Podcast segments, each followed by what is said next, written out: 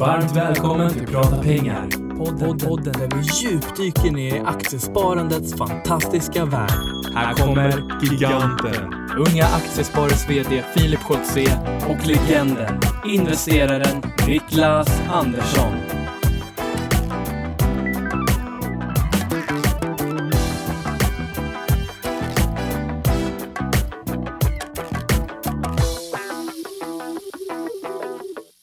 Då säger vi välkomna till podden Prata pengar. Ett eh, sommaravsnitt med ytterligare lite frågor. Hej på dig Niklas. Hej på dig Filip, ja idag ska vi faktiskt prata pengar. Idag ska vi prata pengar. Ja. Äntligen. Mm. Man blir aldrig mätt alltså. Nej. Nej, så är det. Vi eh, hoppar raskt in på dagens första fråga och den kommer från Alexander Hellström som skriver på, på Twitter under hashtag prata pengar. Han undrar om våra värsta köp vi någonsin gjort på aktiemarknaden och när ni började med aktier.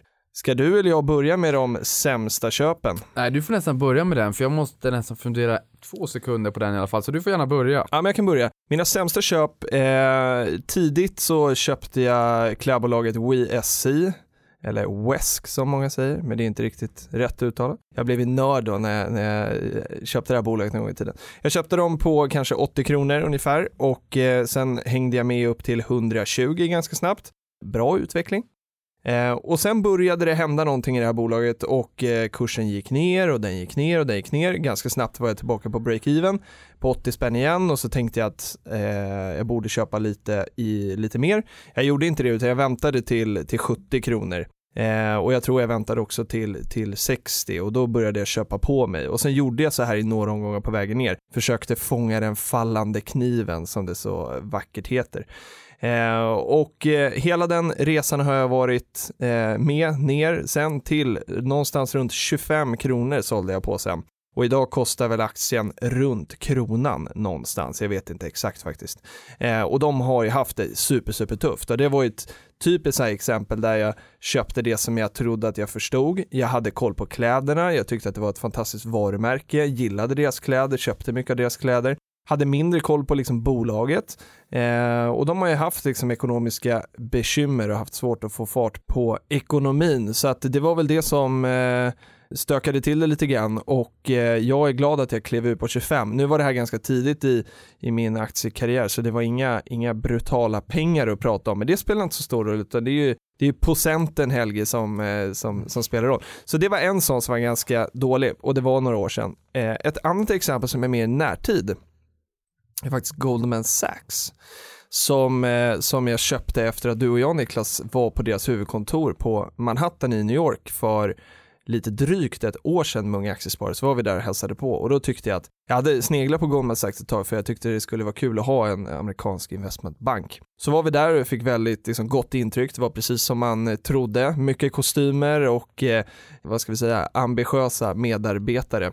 Och, och då tänkte jag, men då ska jag köpa lite i Goldman Sachs. Och den eh, resan gick väl från, eh, jag kommer inte ihåg vad kursen stod i faktiskt, men jag sålde den där sen till slut på minus 30-35%. Och här har jag faktiskt inte gått in och kollat hur mycket som var valutadimensionen, eh, men den kan nog ha varit en, en del också. Men eh, jag hoppade ut i slut och kände så att äh, det här bolaget tyckte jag var lite coolt, men jag hade alldeles för dålig koll, så jag, jag kapade den faktiskt. Så det är väl två, två dåliga. Sen kan man ju alltid ge det här tråkiga svaret att sämsta investeringen är, är, är de bra jag aldrig har gjort eller någonting sånt där. Eh, Betsson eh, har vi pratat lite om i podden. Jag köpte dem en gång i tiden på 35 och 36 och eh, idag när vi spelar in den här så ligger aktien i 69. vad sa vi? 69.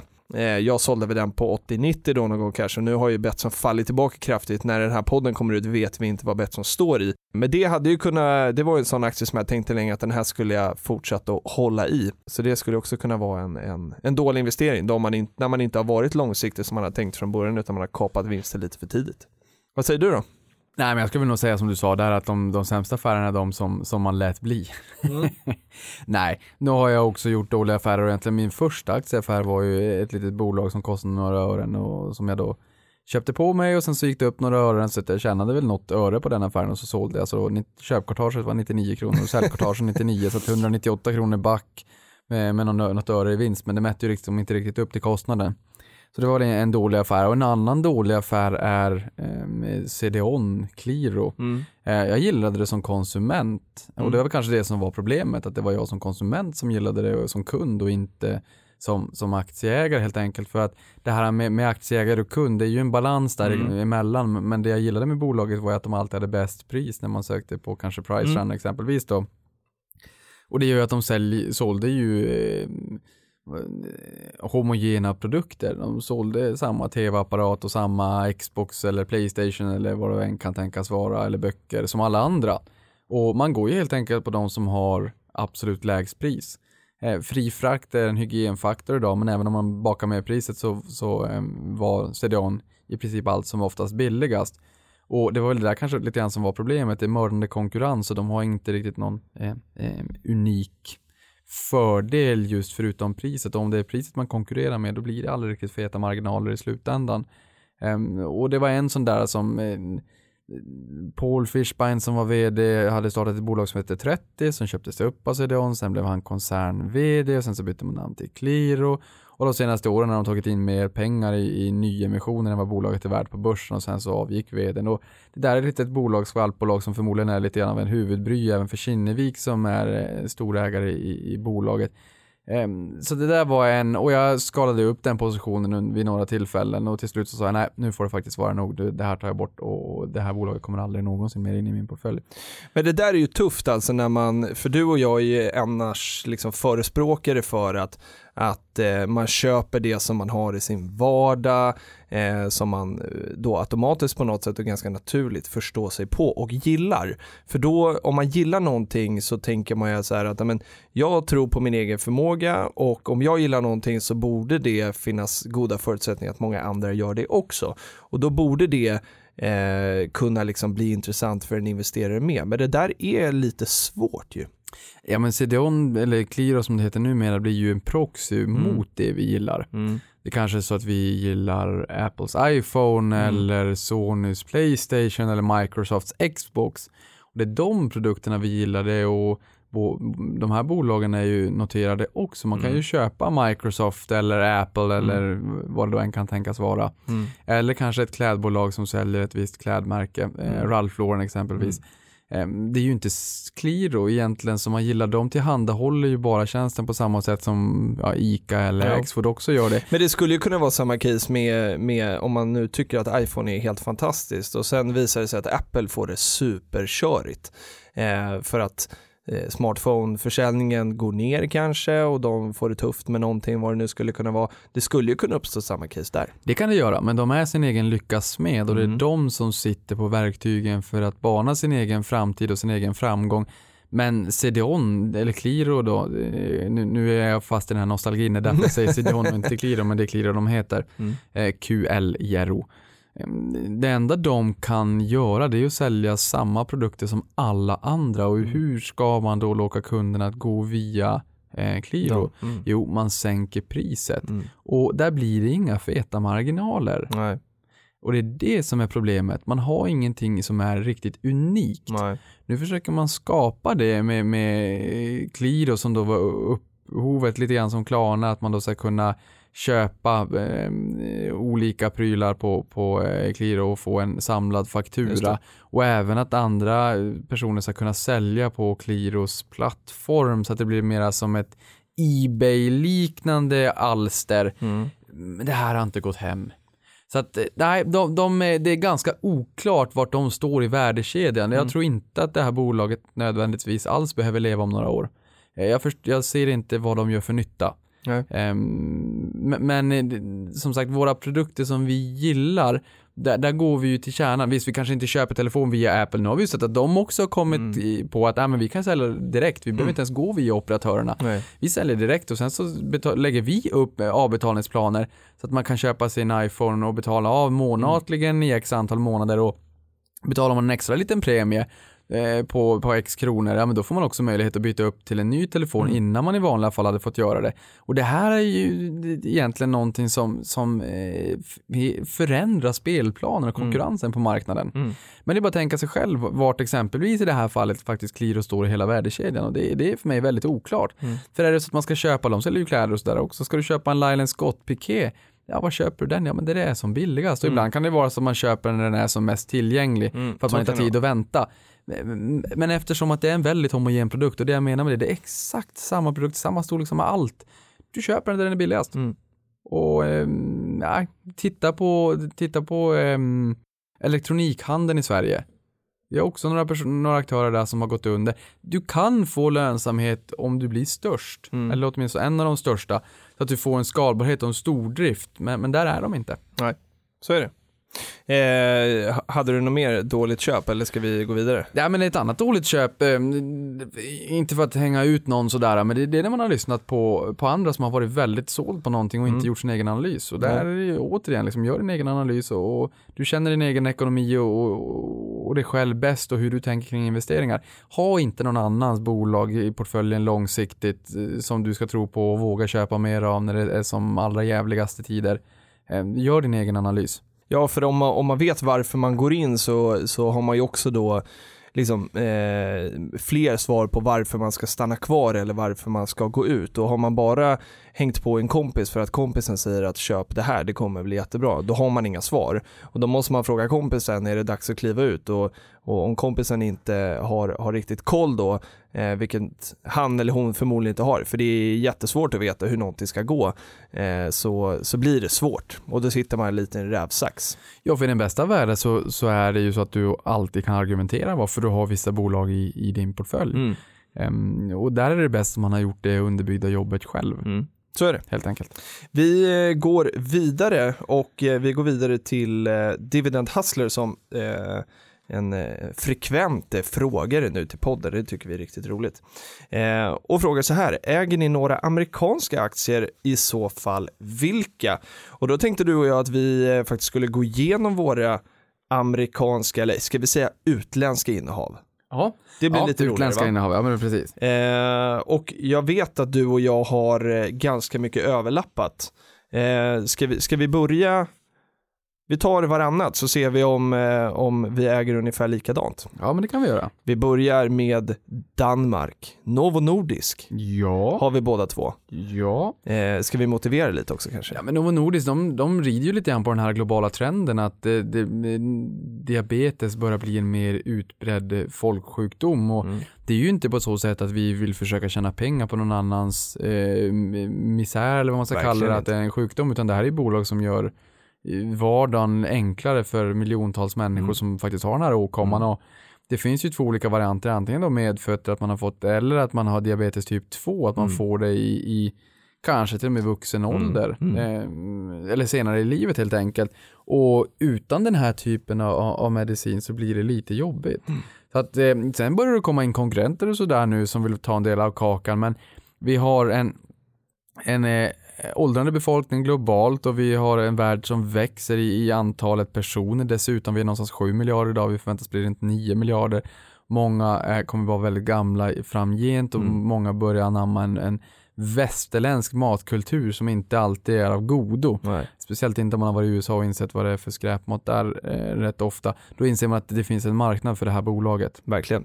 Och sen är det ju eh, faktiskt Nordens eh, största bolag sett till börsvärde. Ja, en fjärdedel av Köpenhamnsbörsen dessutom, förutom att det då är Nordens största bolag. Ja, Exakt. Alla börser i Norden, då blir det ju Sverige, Norge, Danmark, Finland. Mm. Och tittar man på det ur ett investerarperspektiv och tittar på deras marginaler och, och liksom intjäning så, så ser det väldigt bra ut att ha gjort historiskt. Vi går vidare. Jag tror att du har något i Norge också va? Ja, i Norge har jag Tomra. Mm. Och Tomra har ju lite olika Pantamera. ben. Pantamera, Ja. det är pantaburkar och sen är det sorteringssystem även i produktionen om man då ska försöka sortera bort dåliga tomater eller gröna eller gula tomater så finns det optiska sensorer och maskiner Mm. som gör det här per automatik i miljontals kilometer i timmen i förhållande till vad man skulle kunna göra själv. Så att de, de effektiviserar och optimerar produktionsprocesser. Eh, Förutom då pantburkar, men det är ju också kul att säga att de pantar 35 miljarder pantburkar om året. Så det, det är väldigt mycket burkar som pantas. Ja, och det är en häftig affärsmodell i den liksom hållbarhetstrend nu som, som man faktiskt kan se komma och som det pratas mycket mer om och som det har gjorts eh, liksom på politikernivå också väldigt mycket sista åren. Så de är ju eh, positionerade väl om det är så att många fler ska ta hänsyn till, till hållbarhet. Ja, det är ju också ett, ett innehav som Latour gillar och, Mm. och det är även eh, Parisavtalet. Så är det. Eh, här som här för en tid sedan då, Mm. man skulle kunna komma lite grann i bukt med de klimatutmaningar som vi har, så är det här ett bolag som rider lite grann på den trenden. Mm. Sen, eh, jag har inget fler i Norge, men jag vet att du har ytterligare ett i Finland, lite hissar va? Ja, ja men den, jag ska hissa en aktie där, det är Kone, eh, hissar och rulltrappor och det är Mm. lite roligt så här, i Sverige heter det ju AB aktiebolag och Mm. i Norge är det aktiesällskap och, och eh, i Finland så är det OJ. Ja. Så det är roligt om du kommer med en liten dålig rapport Oj. eller någon gång måste vinstvarna, det blir lite oj. eh, men det är Och Kone. i Danmark är det väl AS då, AS. Eh, Ja. Mm, vilket men, men, men de liknar ju liksom både Norge och Danmark, det är AS båda två. Mm. Ja, så är det. Mm. Just det. Just det. Eh, I Norge då aktiesällskap och i Danmark så, det kanske står för samma, jag vet Jag inte vet inte. Men med bokstäverna lika i alla fall. Men AS är lite kul. Ja. Men oj då. Oj, Eh, ko, Kone. Kone. Ja, ja, oj vad dålig rapport eller vilken asrapport eller ja. Eh, Kone, det, det, det är rätt mycket, jag menar vi har en urbanisering i världen och mycket, både hissar och rulltrappor ska installeras när, vi, Mm. när vi flyttar från landet in till storstäderna och storstäderna breder ut sig. Och Kina växer väldigt mycket, jag menar för ett tiotal avsnitt sen så pratade vi om att Kina använde mera cement Mm. under 2011 till 2013 än vad USA gjorde på hela 1900-talet. Och det ska även byggas hissar och man, har man inte riktigt ytan så bygger man på höjden. Mm. Och eh, i Sverige så är det så att om man har över ett visst antal våningar, jag har hört åtta, jag vet inte om det stämmer, men då behöver man två hissar. Och i, i Kina är det förmodligen fler, säkert än två Mm. hissar eh, som ska installeras. Och vilket innebär att det är rätt bra affär för Kone. Otis är världens största och sen så finns det ett antal andra eh, aktörer också, men Kone är då eh, den finländska som man ser ganska mycket här och var. Såg den väldigt mycket i Sydafrika när jag var där Ja, också. det. Mm. Eh, har vi någon annan i Norden eller ska vi hoppa över Atlanten? Nej, jag tänkte bara säga där att 69% av nyförsäljningen i Kone 2015 gick till just till Kina. Mm. Eh, Så att de har väldigt mycket nyförsäljning till Kina. Sen om man i takt med att man ökar den installerade basen av rulltrappor och, och hissar så är det ju väldigt mycket eftermarknad Mm. också. Där traditionellt sett, man pratar om repetitiva intäkter i branschen, så är det ju oftast bättre marginaler där. Så att i takt med att man har, får fler och fler installerade enheter runt om i världen så bör det kunna driva eftermarknad och, och bör kunna driva eh, marginalerna. För, för, för det där är egentligen, nu, jag ska inte uppehålla mig länge, men det blir lite grann som Sandvik och Atlas också, det här när Mm. man säger att gruvindustrin och Mm. gruvkonjunkturen är dålig. Ja, det är den ju, men sen får man väl också säga kanske att gruvor är inte jättestor del av Atlas heller.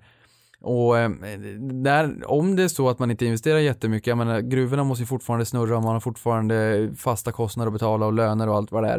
Eh, Men man sliter förmodligen hårdare på de, eh, på de maskiner man redan har och det Så är innebär det. att saker och ting går sönder och då behöver man reservdelar och det kan Atlas gladeligen leverera. Mm. Men du får betala för det också så att marginalerna är betydligt bättre på, på, på, På eftermarknad och service. servicebiten. Då går vi över Atlanten då eh, och då säger det första som är eh, Netflix. Och Netflix känner jag, det är lite, eh, här, här blir man lite bias då, eller lite, för jag, jag tittar på Netflix i princip varje dag och tycker att det är en fantastisk tjänst. Jag tycker att de har liksom tagit tag i, i eh, digitaliseringsvågen och det här med liksom streaming som, eh, och då för film på ett väldigt, väldigt bra sätt. Från början så var det här ett uthyrningsföretag som hyrde ut liksom videofilmer, eller DVD kanske det var, men har verkligen liksom skiftat om och har en jätteintressant affärsmodell idag. Ganska högt värderade eller väldigt högt värderade. Alltså lite högriskbett men jag tycker ändå att det är kul att ha med i portföljen. Lite som dig och mig som tycker att det är roligt att äga bolag som vi gillar eh, och för mig är Netflix ett sådant. Ja, och det, det, det är nog förmodligen en hög risk i bolaget och det har ju både att göra med att det är en hög teknikrisk. Jag menar, kolla det skeendet som Netflix tidigare gick igenom när man hyrde ut fysiska filmer, den branschen dog. Men istället för att bara ge upp och falla pladask och lämna in eh, ansökan om likvidering eller kanske konkurs i värsta fall, så eh, lyckas man helt enkelt transformera bolaget till att anamma den nya trenden. Mm. Och det här har ju gått fantastiskt bra för, för Netflix. Mm. Ehm, och, och jag tycker det är ganska imponerande faktiskt för den resan de har gjort och det har ju varit en fin eh, kursresa Verkligen. därifrån fram till idag. Mm. Eh, Och många använder det här dagligen. Jag tror att någonstans 44 miljoner tittade timmar, nej 44 miljarder timmar tror jag är det. Ja, jag tror att det är i snitt där att man, snittpersonen lägger ner en, en timme per kväll. Och då är det väl förmodligen folk som tittar väldigt mycket, för jag tror Mm. inte att alla tittar Nej, en timme, nej. men många gör det ändå. Man kommer hem på kvällen, man vill ta det lugnt, man vill komma ner i varv lite grann, man kanske slår på någonting på Netflix och det är ju lite trevligt också att eh, nya tv-apparater har en Netflix-knapp dessutom. Just Så de känns ju ändå lite etablerade, men det är ju en rätt hög teknikrisk. Mm. För, för det jag menar där är att ja, de har gått från ett skeende där, där, där affärsmodellen höll på att dö ut Mm. till att man kom tillbaka igen och jag menar det kan ju ske samma sak igen och vi, vi har ju problematiken att det är väldigt många aktörer som producerar väldigt mycket innehåll. Mm. Eh, Fördelen här är istället för Qliro som jag pratade om nyligen som bara egentligen är en, en proxy mot det vi vill ha Mm. eh, och där man egentligen kan gå någon annanstans istället om, det om man inte vill gå via Qliro. Så Mm. här skapar man ju eget innehåll, eh, egna serier. Mm. Eh, och det är ju något som är bra för blir man duktig på det där och skapa innehåll själv, men då kan man inte få det någon annanstans. Nej. Man har varit rädd för Disney tidigare, men det är så att, fast ja, jo ESPN som är deras eh, nä- nätverk med, med sport. Det är klart, cut the cord pratar man om att folk eh, säger upp abonnemangen. Det är ju lite jobbigt, men Mm. Samtidigt så innehållet är det som är det viktiga. Det är Ja. Kalle Anka och Janne Långben och allt det där jag vill se. Jag, sen bryr jag mig inte hur jag får det presenterat för mig. Nej. Det hade varit skönt med en play-funktion och det har de ju sagt, det kommer ju. Mm. Men det är ju liksom innehållet som är det viktiga. Och- Ja det blir ju, och där har ju Netflix också en edge i och med att de skapar eget innehåll. Det Ja. blir ju inte bara en Qliro-lösning där man distribuerar andras utan man liksom skapar sitt eget också. Och där sänker man teknikrisken. Precis. Alltså man sänker liksom risken med att tekniken kan komma, att någon annan kommer, Amazon eller Apple eller Microsoft eller någon annan kommer med en tjänst som egentligen skulle kunna slå ut Netflix Mm. under, på, på ganska kort tid om man får en stor drift i det hela. Ja för vill man se House of Cards då som är en av Netflix-serier då måste man se det via Netflix. Som Ja. det ser ut idag i alla fall. Ja, lite grann där bara som Mm. Apple som kom med sin nya musiktjänst som egentligen teoretiskt sett hade kunnat slå ut eh, Spotify, Spotify. över en natt. Mm. Nu gjorde de inte det. Nej. Spotify är väldigt livskraftiga, Mm. men, men det, är liksom, det är den här typen av, Exakt. Av eh, risker som jag pratar om, att det kommer någon som mm, har kanske en bättre tjänst och, och som slår Mm. ut marknaden och drar un- undan mattan under benen för ett bolag. Men man sänker den risken då så att säga med eget innehåll. Så är det. Och Disney pratade vi om lite snabbt, det har vi eh, båda i portföljen. Eh, vi kanske ska ha kids någon dag som gäller att kolla på Kalanka och de här. Jag var faktiskt och såg eh, Djungelboken eh, på, eh, på bio, den här, eh, de har gjort en, ja, den är, vad ska man säga, nytappning men som är på riktigt fast det är också lite animerat och saker och ting. Ja, otecknat. Och den, jag såg den också. Eh, och det är lite Bra, kul. den Väl, var riktigt bra. De har väldigt många bra filmer i Mm. pipeline. Eh, jag tror de har väl Tarzan som kommer nu. Just det. Och sen så Finding Dory. Just det, den är ju Eh, superkul. Vi hittar Så det är inte bara kidsen, det är också Filip och Niklas som går och kollar Disney-filmer. Ja, och där får man ju också säga att menar, Disney-filmerna har väldigt eh, mångfacetterad, dubbelbottnad humor. Mm. Gå tillbaka och titta på Djungelboken, nej nu säger jag Djungelboken för att vi sa det nyss. Gå tillbaka och titta på eh, Lejonkungen. Mm. Som vi, du och jag var ju ändå ganska små Ja, när, när den kom. Mm. Och vi uppfattade humorn och skämten på Mm. ett sätt, men testa sig om den i vuxen Mm. ålder så ser man att det också finns väldigt mycket vuxenskämt. Barnen kanske inte skrattar, Nej. men det vi förstår den humorn. Så att det, man får ut väldigt mycket av en Disney-film oavsett vilken ålder man är. Det finns flera olika budskap som riktar sig till olika målgrupper och man, man lyckas på ett väldigt bra sätt möta många olika ålderskategorier i en och samma film Mm. och det tycker jag är väldigt häftigt med Disney. Ehm, Hitta Nemo, vet du vilket år det var den kom? 2002? 2003. Ja, det var Det, det. ja, det jag ville säga med det där var bara att det var otroligt länge sedan och Mm. man, man tror att det bara är något år sedan Ja, men verkligen. tiden går så fruktansvärt snabbt. Det är Mm. 13 år sedan Otroligt, den alltså. kom. Och nu kommer alltså vår vän, den här förvirrade Doris, få en egen film. Och det var faktiskt den absolut bästa fil- animerade filmen första helgen alla kategorier Mm. någonsin. Eh, och det är inte speciellt ovanligt att Disney slår sådana här rekord. Nej. Även andra helgen Mhm. så slog den också rekord. Okej. Så det är inte bara att den slår, man brukar mäta första helgen Mm. hur, hur det går, men även andra helgen så har den slagit rekord. Okej. Ska vi däremot sen titta på animerat och titta på den bästa någonsin, Mm. ja, då, ja, fram till liksom dagsdatum och inte bara första och andra helgen, ja, då är det fortfarande Disney vi hittar där, men det är Frozen. Mm. Jaha. Så det, de har väldigt många blockbusters Disney, så de kommer Så finnas med under lång tid framöver. Och som sagt, ja, vi har ingen av oss har ju barn i dagsläget, och, och, och, men, det kommer väl i framtiden och de vi har väl en 20 år på sig durationstid och, eh, innan de blir vuxna, det blir väldigt mycket Disney där. Mm, så är det. Vidare på bolagen, nu tänkte jag ta tre i en som återfinns i min portfölj. Jag tror att du i alla fall har två av de tre. Eh, och då tänkte jag nämna eh, Microsoft, Eh, vi har, är det blir fyra, Microsoft, Facebook, Alphabet och Apple. Eh, och Facebook är ganska ny för mig, det är lite som Netflix, att eh, eh att teknikriska, jag vet inte om den är stor, men de har ju så ofantligt många användare eh, och det känns som att de börjar, också hög värdering har de, Eh, men det känns som att de börjar också förstå hur de ska börja liksom, tjäna pengar på det här och jag tror att med den användarbasen så har man liksom fantastiska möjligheter att kunna liksom kapitalisera på det. Eh, sen kan jag gå till mig själv och inse att jag använder inte Facebook alls som jag gjorde förut. Eh, det är mer mina föräldrar som använder det idag på samma sätt som vår generation kanske gjorde för några år sedan. Men jag tycker ändå att det är intressant och sen gillar jag också pilotskolan eh, och ha Mark, eh, Mark Zuckerberg där som är ung fortfarande eh, och han har ju sagt att han ska ratta det här för lång tid framöver och då känns det som att det, den resan vill jag, vill jag gärna vara med på. Så det har jag köpt in mig li, lite grann.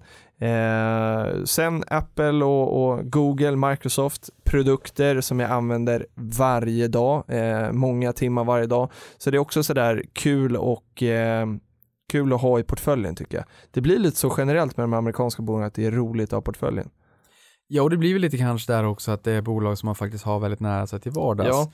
Um, liksom på frågan varför man går på över på andra sidan pölen för att köpa bolag när man, varför gå ån efter vatten? Ja, för det är inte helt rationellt. För att eh, dels så är ju kostnaden lite högre. Eh, det är ett högre courtage än vad det är för oss att köpa svenska aktier. Tittar vi på amerikanska börsen kontra den svenska över lång tid så är de ganska korrelerade, de följer varandra ganska väl.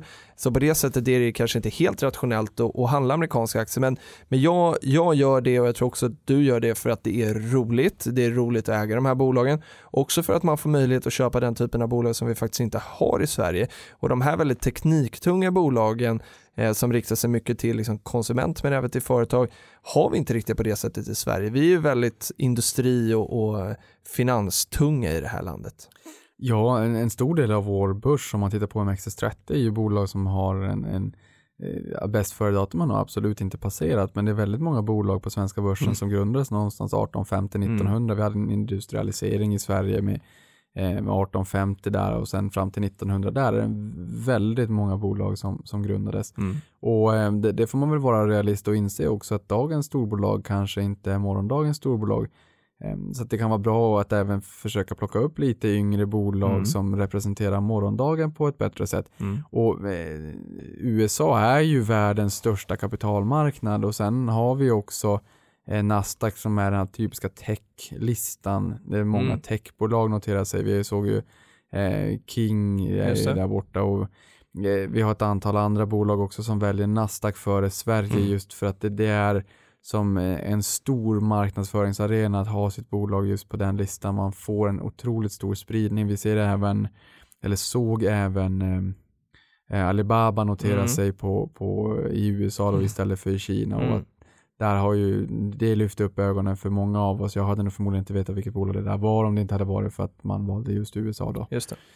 Så är det. Eh, och annars, ja, vi pratar Alphabet då som är Google och det är, är Apple. Jag tycker eh, Många av de här bolagen har, ju, har jag köpt under det senaste året och många av de här bolagen har haft en fantastisk resa. Eh, och det kanske är så att vi kommer in lite sent på, på bollen, men, men jag resonerar då att jag tror att de här bolagen kommer fortsätta kunna liksom, leverera värde över tid. Sen har vi ett kaffebolag som både du och jag har i portföljen vi är ju otroligt synkade på de här utländska aktierna. Ja, det låter så. vi har Starbucks. Ja, och Starbucks är även där, fantastiskt bolag, växer mm. jättefint. Just Facebook och, och, Alphabet, eller Google då, som de äger som vi var in på tidigare mm. också. Det, det, det, händer ju väldigt mycket med big data Verkligen. och eh, artificial intelligence och, och självkörande bilar och som robotar mm. och det händer väldigt mycket och jag menar, det de har också, menar, man, man ska inte, de har en, över en miljard människor på, på månatlig basis som mm. använder tjänsterna och det är förmodligen en, den största framgången i, mm. i världshistorien när det kommer till, till den typen av bolag som, som de faktiskt bedriver. Så att ja, det kanske inte alltid är rationellt men ibland så finns det inte riktigt eh, alltid en rational utan i Nej. vissa bolag känner man att det här måste man nästan ha en exponering för. för Det här är någonting väldigt stort. Mm. Men eh, eh, Starbucks säljer kaffe, jag älskar allt med bolaget förutom kaffet för det är blaskigt. Alltså jag är en av dem som, eh, även om jag gillar liksom bra kaffe, så tycker jag faktiskt att Starbucks kaffe det är helt okej alltså. Nej, det är inte okej. eh, och andra- men men eh, Espresso House fick man via Nax en gång i tiden, men de tog en väldigt hög avgift, i Mm. rådgivningsavgift inom citationstecken. Det var så här private equity-firma, Okej. men eh, noterat på börsen faktiskt. Men, men numera ägs det av eh, ett eh, pri- privatägt tyskt bolag, så det kan man inte få en Okej. exponering mot. Sen har vi även eh, Costa som är den näst största globalt och noterad i Storbritannien. Mm. Väldigt bra lönsamhet, växer, starkt varumärke, de växer på väldigt fint i Kina, jag tror att en tredjedel av, av Mm. kaféerna som öppnas då, det är lite grann samma som H&M. man Mm, öppnar ja. väldigt många nya, i H&M's fall butiker och i Starbucks fall kaféer då. Ja, och det, det är hög tillväxt med bra lönsamhet och det är det vi gillar med de här bolagen. Ja, för du Mm. har ju en, du har en rätt fin marginalexpansion där. Det är det som har varit lite jobbigt med H&M den senaste tiden, att det har Mm. varit marginalkontraktion Absolut. och att man försöker få den att kicka igång igen. Men här har vi fortfarande i Starbucks en, en eh, expansion. Och eh, nu ska de även öppna då 150 kaféer i Sydafrika och vdn hade aldrig sett längre köer vid första öppningen där. Så att, ja, men, ja, det- och det tas emot väldigt väl och det är många som gillar den västerländska kulturen och gillar västerländska varumärken och man det blir någonstans att man, att man identifierar sig mer om och att en kaffe är mer än en, en kaffe så att säga. Mm. Det är som om man köper en, en Ralph Lauren piké, ja men Mm. det är förmodligen mer än bara tyget du bär på det kroppen. Det, det, det säger någonting mer, eller det, blir liksom, det finns en anledning till varför man betalar extra. Mm. Och det blir, det blir samma sak med kaffet, man kan se det beteendet. Helt enkelt, för att jag menar, en Starbucks-kaffe är dyr. Mm. Det är väldigt dyrt. Ja, de kostar.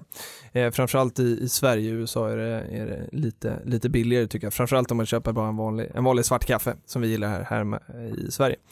Eh, sista bolaget som jag tänkte att vi skulle prata om är ju Warren Buffetts Berkshire Hathaway som är en, eh, en favorit och också en sån där som känns, om man är aktienörd eh, så har man ju läst väldigt mycket om Warren Buffett och då kunde jag inte stå emot att faktiskt också hänga med lite på den resan. Jag gillar ju investmentbolag också. Eh, Nej men det, det är bara så, det, det, man ska bara ha det i portföljen. Eller jag tyckte att jag ska bara ha det i portföljen Ja. i alla fall och sen var det inget mer snack med det. Nej, ehm, vi stänger den frågan. Ja, men det är lite bara, det bara häftigt. Och jag menar, min, min amerikanska portfölj började jag också bygga upp någonstans, vad kan det ha varit? En, eh, säga våren 2014, Mm. det var då dollarn stod i 6,44 mot seken och jag gjorde en snabb analys, sen kommer den att halveras eller dubblas, kommer den vara 3 kronor eller 9 Mm. kronor? Äh, jag tror det senare och så, så Mm. byggde jag upp den därefter. Mm.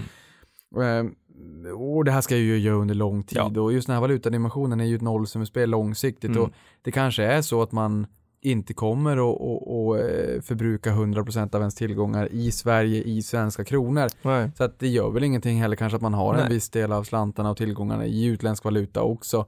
Sen har vi ju kostnaderna kanske om vi kommer att leva i Sverige så har vi kommer att ha kostnaderna i Mm. svenska kronor men som sagt vi är ju ute och reser och sådär Mm. också.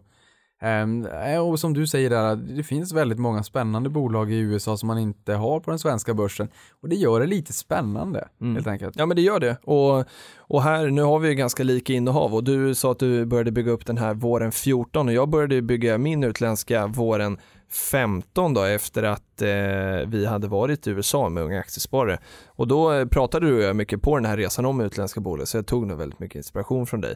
Eh, och så har jag läst på själv och så tänkte jag, men det här, det här passar mig också så det är roligt. Vi är ganska lika du och jag Niklas. Ja, och där Eh. började ju, courtaget började ju verkligen konkurreras ut för Verkligen. bland nätmäklarna. Jag menar, jag tror att den svenska portföljen började jag nog bygga tio år innan jag Mm. började bygga eh, den utländska portföljen. Jag menar, här har vi båda Avanza Nordnet ut på marknaden som, som eh, dagligen krigar med varandra såklart.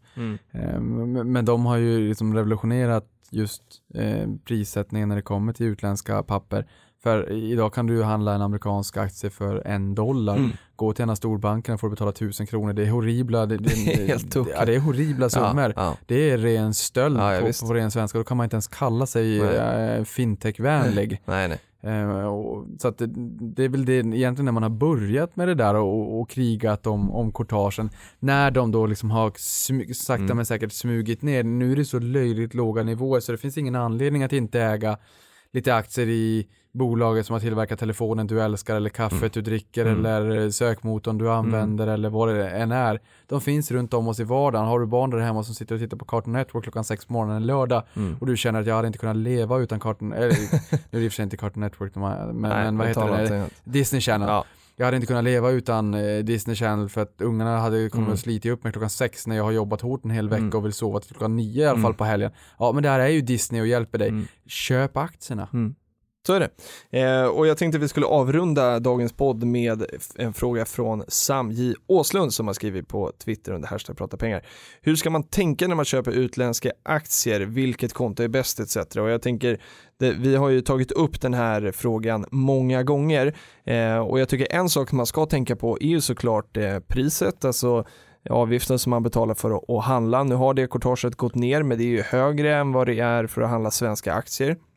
Så man kanske ska tänka till lite på hur, eh, för vilket belopp man köper så att andelen eh, avgift inte blir eh, större än man kanske tänker sig, så läs på det innan. Och sen vad gäller kontot så har ju både du och jag vår utländska i en kapitalförsäkring, eh, för då får vi tillbaka den utländska kupongskatten som, som vi dras. Så tar det två år ungefär innan man får tillbaka den Så, men eh, av den anledningen har vi dem där. Och vi har dem också i en separat depå för, för jämförelsen då, så vi har inte blandat upp dem med våra, med våra svenska. Nej, och det är ju just av valutadimensionen som Mm. du säger där också. Det blir, det blir lite jobbigt om man vill jämföra sin egen portfölj, sin svenska portfölj med, med Stockholmsbörsen, Mm. om det så att man har en valutadimension också. Eh, eftersom att de då svenska kronan försvagas mot, eller eh, förstärks i det här fallet då mot dollarn, Mm. så kommer ju det att eh, minska värdet på dina utländska Mm. innehav. Eh, och där vill man ju eh, helt enkelt inte ha den jämförelsestörande posten. För säg att du, eh, säg att kronan blir eh, stärks mot, mot dollarn, Mm. ja då har du köpt amerikanska aktier i dollar och när Mm. du någon gång i framtiden säljer dem så kommer du att vilja köpa tillbaka SEK, eller det Mm. går ju per automatik Ja. för det är ju du, det, det växlas tillbaka svenska kronor som landar på ditt konto när du har sålt aktierna. Och då får du ju mindre svenska kronor per dollar Mm. om det är så att dollarn har försvagats mot kronan. Mm. Eh, och det här ser du ju i, i värdet på depån löpande hela tiden. Förutom att du ser utvecklingen på aktien så räknas det även med eh, valutadimensionen. Så som sagt, om man då har köpt aktierna i dollar, kronan stärks Mm. mot dollar, ja då blev ju inte gräsmattan grönare på andra sidan. Nej. Det, blir liksom, det, blir, det blir dyrt när du ska växla tillbaka och det syns direkt på innehaven, i alla fall på, hos min mäklare. Och det, det, det, därav så kan det ju vara så att innehaven har gått bra och svenska börsen har gått bra, men du får en ganska medioker Mm. utveckling och kliar i skallen säger varför har inte jag slagit i börsen? Ja, men då kanske det är valutadimensionen, därav eh, så separerar jag dem. Exakt. För jämförelsen helt enkelt. Det ska inte vara jämförelsestörande poster som många bolag ofta vill nämna när man vill eh, smeta över och eh, dåliga siffror. Nej men så är det. Eh, vad bra, men då är vi nog klara för, för dagen. Tackar vi så mycket för idag och hoppas alla har en, en, trevlig, en trevlig sommar. Tack och bock. Ha det gott! Ha det gott.